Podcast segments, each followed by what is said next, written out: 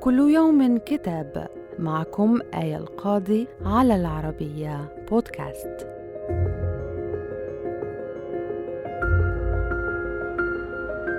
نتناول اليوم كتاب استنطاق الصمت في الشعر والرؤية للمسرحي العراقي الدكتور فاضل سوداني. يدور الكتاب عن العلاقة بين المسرح والشعر وما أنتجته من رؤى وأفكار جديدة.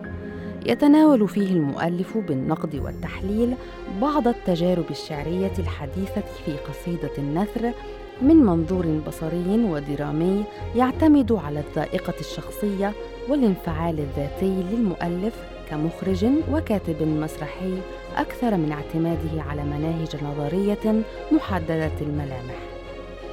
يستهل الباحث دراسته التطبيقية بديوان الحياة قرب الأكربول للشاعر العراقي ساركون بولوس يتوقف عند قصيدة طائر الحلم للشاعر البحريني قاسم حداد كما عند قصيدة المطر القديم من ديوان كشهر طويل من العشق للشاعر بول شاول.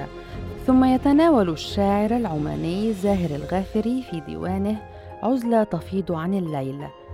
صدر الكتاب عن هيئة الكتاب المصرية وإلى اللقاء مع كتاب جديد.